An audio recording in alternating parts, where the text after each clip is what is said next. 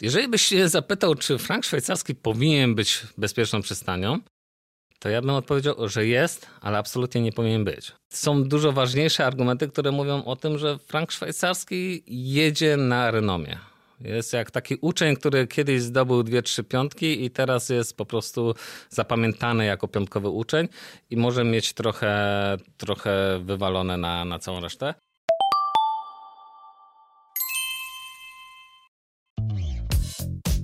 Podcast Dilerzy po godzinach, czyli o pieniądzach się rozmawia. Ciekawe dyskusje i rozmowy o sytuacji ekonomicznej w Polsce i na świecie, o walutach i generalnie o pieniądzach dla każdego. Dzień dobry. Witają Państwa Dilerzy po godzinach. Z tej strony Adam Fuchs, a ze mną Krzysztof Adamczak. Tak, witamy Państwa serdecznie w kolejnym odcinku naszego podcastu. I dzisiaj wybierzemy się w podróż nie aż tak daleką z pewnym pytaniem.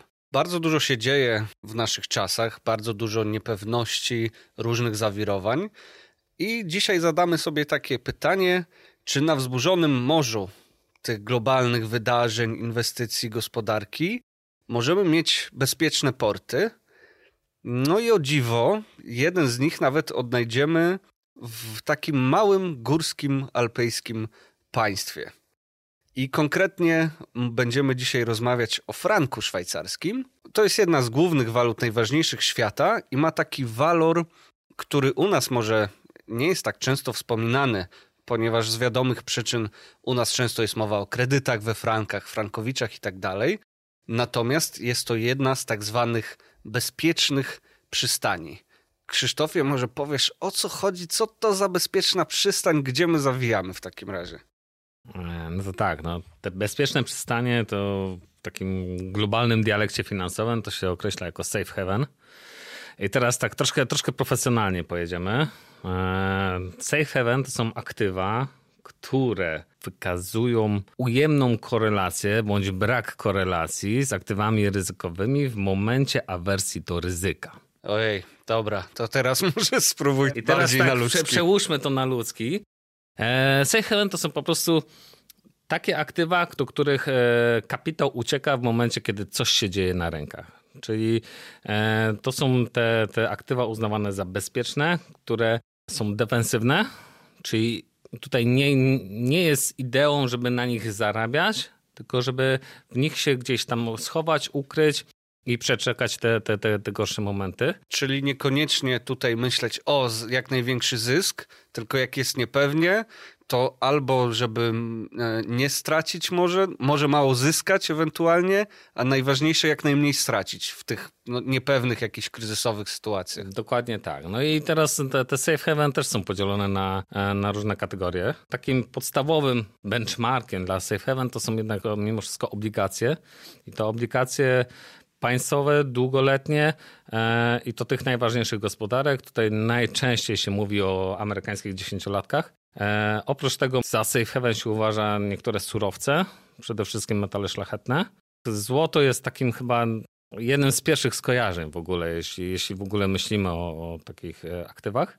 Oprócz tego mamy też akcje. To są tak zwane blue chipy, czyli te, te największe spółki notowane na, na giełdach, ale tutaj też mówimy o spółkach, które są defensywne, czyli takie, które na przykład e, bardzo długo bardzo długo i bardzo dobre dywidendy wypłacają.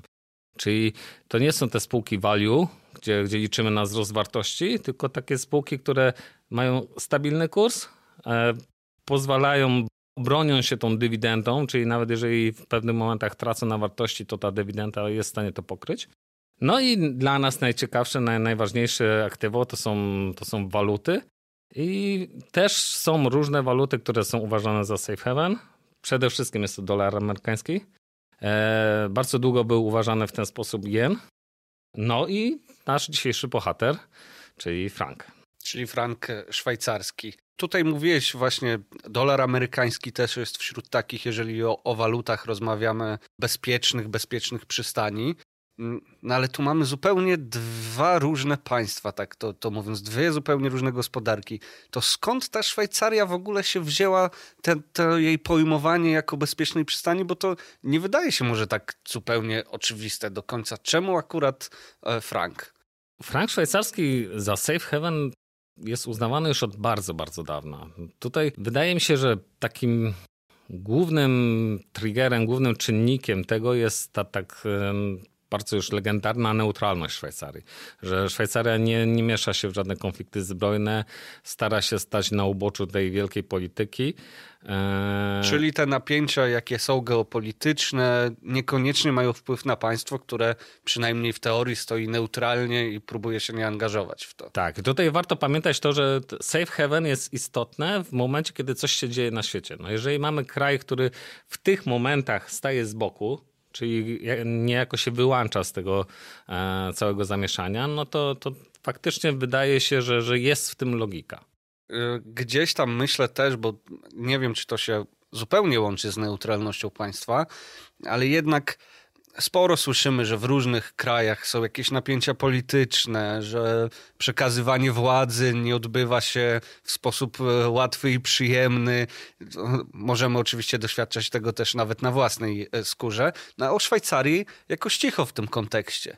Tam nie ma haseł, że o, populiści znowu przejmują władzę, albo że jest jakiś problem. Oni tam sobie nawet przekazują co roku prezydenturę tak oficjalnie i dzieje się to w taki sposób no, całkowicie niezauważalny, przynajmniej dla obserwatorów e, z zewnątrz. Tak, szwajcarska polityka jest e, no, nudna ale nudna w tym takim dobrym znaczeniu tego słowa. Rynki finansowe to lubią. Rynki finansowe lubią mieć pewność co do przyszłości. No i akurat u Szwajcarów, u Helwetów zdecydowanie można wytyczać jakieś takie scenariusze i ich nie będzie za dużo. Będzie ten bazowy, jakiś, jakiś może jeden dodatkowy, tej niepewności co do polityki w Szwajcarii jest bardzo mało. I myślę, że to jest ciekawe, bo jest, myślę, dosyć powszechną wiedzą to, że też e, obywatele, to znaczy demokracja bezpośrednia i referenda wśród obywateli przeprowadzane mają duży wpływ na stanowienie prawa. I w wielu państwach to by był motyw raczej niepewności że y, obywatele idą i decydują o jakichś najważniejszych. A tutaj mamy bardzo duży wpływ właśnie tej demokracji bezpośredniej. No i to wręcz buduje kolejny gdzieś tam motyw tej stabilności. No, obywatel Szwajcarii mimo wszystko jest już dojrzałym obywatelem, takim doświadczonym. E, to nie jest tak, że w żadnym innym kraju by to się nie sprawdziło. Szwajcarzy też do tego dochodzili. Oni po prostu mają wiele, wiele, wiele lat doświadczenia w tym, żeby budować to obywatelskie społeczeństwo. E, I teraz e, no, czerpią z tego korzyści. No dobrze, tutaj polityka, oczywiście polityka e, ma zawsze wpływ na gospodarkę, ale to może przejdźmy do tych kwestii gospodarczych. Bo Szwajcaria też wydaje się, mm, jeżeli są jakieś zawirowania, to niekoniecznie o tym mocno słyszymy. I tak, tak, tak mi od razu przychodzi bardzo bliski teraz przykład i dosyć nowy bo e, powiedzmy, że jesteśmy ciągle w kryzysie inflacyjnym. To dotknęło no, praktycznie całą Europę, wiele państw zresztą świata, a Szwajcaria jakby w ogóle tego problemu praktycznie nie miała. E, no to jest prawda. No tak przez chwilę nawet się wydawało, że Szwajcaria będzie taką trochę Japonią Europy, że co by się nie działo na świecie, co by się nie działo w tym najbliższym otoczeniu, to tam i tak nie będzie inflacji. Ostatecznie ta inflacja troszkę podbiła, ale to jest, e, no to, są, to są wartości, które no, są absurdalne w stosunku do tego, co widzieliśmy w Europie, co widzieliśmy w Stanach, czy co widzieliśmy u nas w Polsce. Więc e, tak, ta, ta inflacja jest tam na skrajnie niskim poziomie. Ona jest ciągle w celu, że tak powiem przy czym ten, ten cel też jest e, bardziej restrykcyjny niż u nas. E, tak, ale na to też się składa bardzo dużo rzeczy. To, że ta, ta mm, polityka fiskalna, ten taki restrykcyjność, to obowiązkowość, e, tam nie ma szalonych wydatków, nie ma takiego typowego populizmu, e, wielkich mm, programów socjalnych, więc i deficyt budżetowy, i dług publiczny, wszystko jest trzymane w ryzach, więc to też na pewno wpływa na to, jak inwestorzy postrzegają franka. A skoro już o tym postrzeganiu franka i o jego pozycji na rynku walutowym, no to w takim razie bank centralny Szwajcarii, bo odgrywa tutaj raczej niepośrednią e, rolę ich wpływ, ich podejście. I ten bank centralny mm, e, jest jednym z najbardziej poważanych na świecie, no ale właśnie z czego to wynika? Z tego takiego poważnego podejścia do tematu, z tego braku mm, jakichś wyskoków różnego typu i, i zaskoczeń, niespodzianek? To znaczy, no nie zapominajmy 2015 roku, tak? To, to nie jest tak, że tam się nic nie dzieje. E, aczkolwiek tak, Szwajcarzy. Ale to moment, może przypomnijmy 2015, czyli czarny czwartek, tak? I kiedy Bank Szwajcarii ogłosił, że przestaje bronić kursu e, swojej waluty. No i to myślę, że Frankowicze dobrze pamiętają ten moment. Bo tak, no myślę, że, że, że pół Polski doskonale pamięta ten dzień. Na, na rynkach finansowych polała się wtedy krew. Było, było bardzo czerwono, dużo, dużo się działo. E, ale takich sytuacji w Szwajcarii jest mało. Oni naprawdę musieli stanąć już na krawędzi, żeby do czegoś takiego doprowadzić, dopuścić.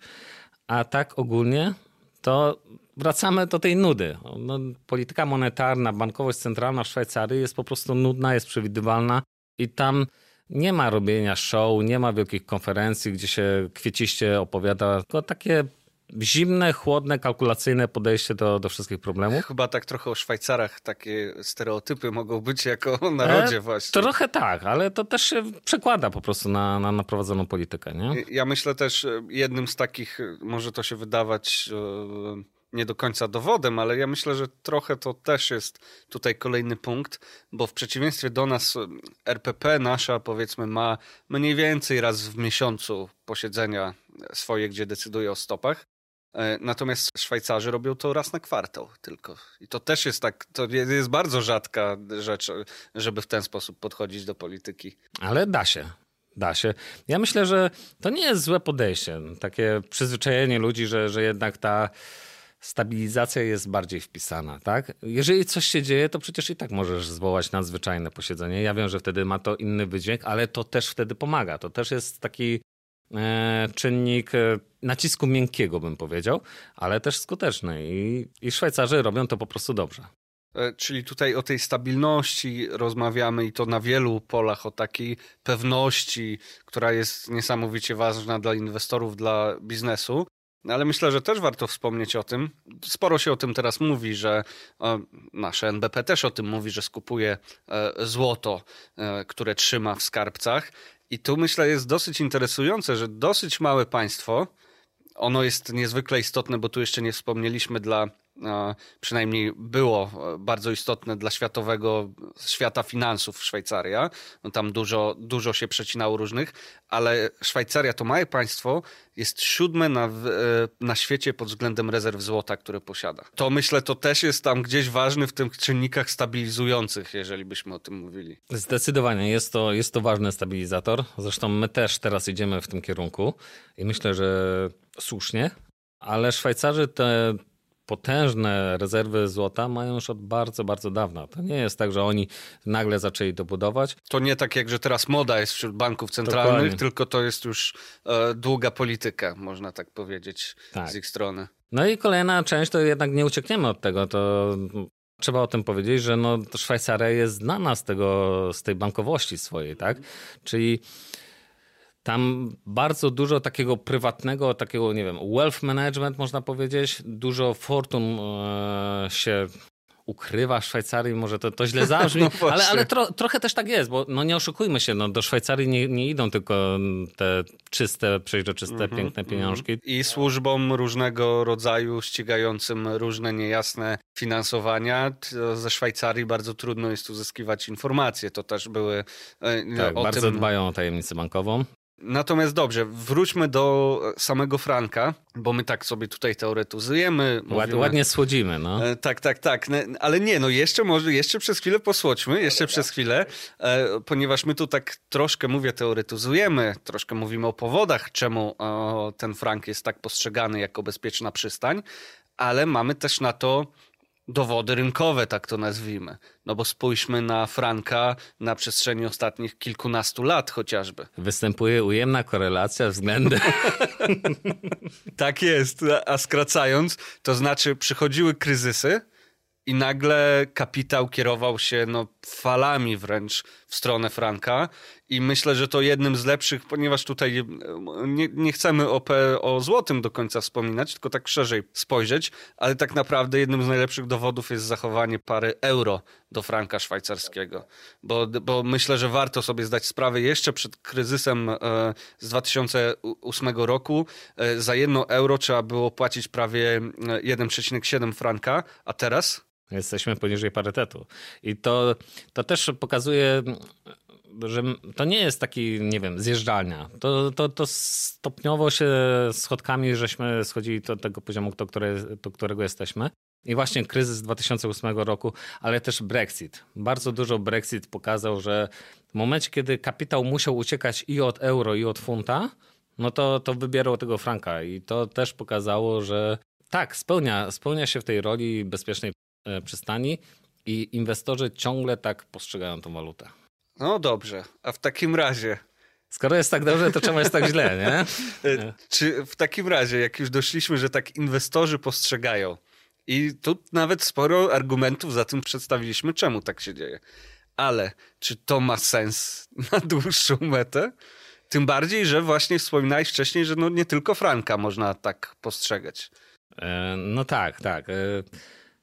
Jeżeli byś się zapytał, czy frank szwajcarski powinien być bezpieczną przystanią, to ja bym odpowiedział, że jest, ale absolutnie nie powinien być. E, jest tak, dużo argumentów przytoczyliśmy, ale są dużo ważniejsze argumenty, które mówią o tym, że frank szwajcarski jedzie na renomie.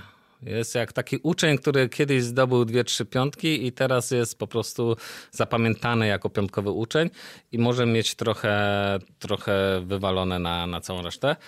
Eee, świat się zmienia. Świat się zmienia, świat idzie do przodu, eee, a Szwajcaria nie. Szwajcaria w pewnym momencie gdzieś się zakotwiczyła. E, ostatnio został opublikowany mm, Global Fortune 500 e, największych spółek na, na świecie i jeszcze 10-15 lat temu ponad połowa europejskich spółek na tej liście była ze Szwajcarii. Szwajcaria posiadała mnóstwo dużych, gigantycznych koncernów, które bardzo dużo pieniędzy zarabiały. W tym momencie w Szwajcarii chyba zostało 10 takich spółek. E, drastycznie I to w przeciągu spada. dekady. Tak, drastycznie to spada.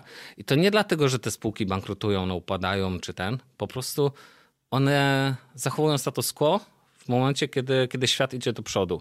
I to jest problem nie tylko Szwajcarii, całej Europy, bo cała Europa traci na znaczeniu w tym rankingu, ale wydaje mi się, że Szwajcaria traci najszybciej i jest to spowodowane również mocnym frankiem. Mhm. No tak, skoro waluta jest ich mocna, a chcą eksportować, powiedzmy, bo też trochę z tego. To żyją. są za duże firmy, żeby na lokalnym rynku mogły żyć. No nie, tym bardziej, tym bardziej, że właśnie ta Szwajcaria jest postrzegana, tak mamy w głowie znowu trochę stereotypowo, ale powiedzmy zegarki wysokiej jakości, ogólnie takie rzeczy znowu bardziej z bardziej zasobnymi portfelami się kojarzące, no ale mimo wszystko no, to jest właśnie za mały rynek, żeby oni sobie mogli sami budować to swoje bogactwo. No jest, skoro ich waluta jest silna, no to ta wymiana z innymi staje się po prostu mniej opłacalna dla tych e, innych. Natomiast e, jeżeli to nie będą zegarki, powiedzmy, bo też dużo tutaj wspominaliśmy o tym, że usługi finansowe, właśnie zarządzanie majątkami i tak dalej, no ale tutaj mamy już kolejne rysy na tej Szwajcarii, bo właśnie byli postrzegani jako te stabilne banki, gdzie można spokojnie. Sektor bankowy był ich naj, największym atutem, tak? A tu już nie jest. Mm. W momencie, kiedy kredyt Suisse upadł, a to mamy sytuację z poprzedniego roku. Tak. To jest naprawdę świeża, e, świeża sprawa. Ale te rysy już się pojawiły w 2008 roku. Już mm, wtedy mm. trzeba było dofinansować e, ten. Co prawda, to dofinansowanie względem innych banków było niewielkie. To trzeba oddać. Ale od tego czasu coś się zaczęło psuć. Sektor bankowy Szwajcarii nie jest nieskazitelny. Jeżeli nie jesteś idealny, to, to nie będziesz budował na tym swojej przewagi. I, e, I tutaj ten problem jest. Szwajcarzy tracą swój chyba największy atut. I że tak powiem, i tracą tych atutów coraz więcej, bo zaraz pokażemy kolejne rzeczy, które przestają mieć znaczenie. E, więc e, problem u Szwajcarów będzie coraz większy. No, czyli mówisz, że problem będzie coraz większy, to może pokuśmy się o takie wyjście w przyszłość, czyli co, co, właśnie może czekać tego Franka, co mu tak zagraża, no bo na razie nie widać tego za szczególnie tych zagrożeń w, przynajmniej w pozycji Franka na rynku walutowym, bo chociażby do tego euro jest no, najlepszej pozycji w historii, no to czyli może coś tutaj mu zagrozić, mogą się pojawić wyboje. E, ja już dzisiaj użyłem tego określenia, że Szwajcaria jest Japonią Europy. I ja myślę, że ten scenariusz japoński jest bardzo, bardzo prawdopodobny dla, dla Franka.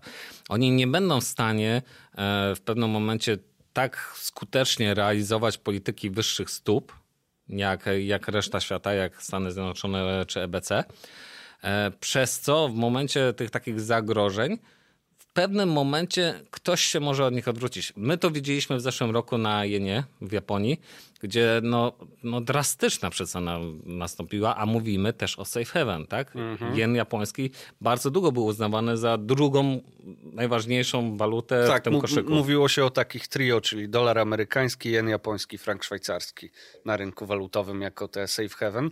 No, czyli, czyli Japonia dowodzi, że to nie jest dane raz na zawsze, i, I może się w pewnym momencie skończyć, jeżeli inwestorzy gdzieś zmienią ten układ w swojej głowie. A już powoli zmieniają, bo widzimy to na rynku Forex, gdzie udział e, w transakcjach z frankiem szwajcarskim e, notorycznie spada i w ostatnich latach nawet e, dolar kanadyjski ich wyprzedził.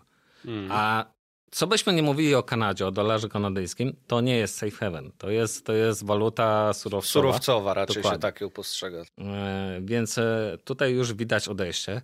Jeszcze takim ważnym czynnikiem, takim dobrym wskaźnikiem może być to, ile długu zagranicznego jest denominowanym w danej, w danej walucie. I tutaj frank szwajcarski też nie jest gwiazdą. Tego jest tam 0,2%.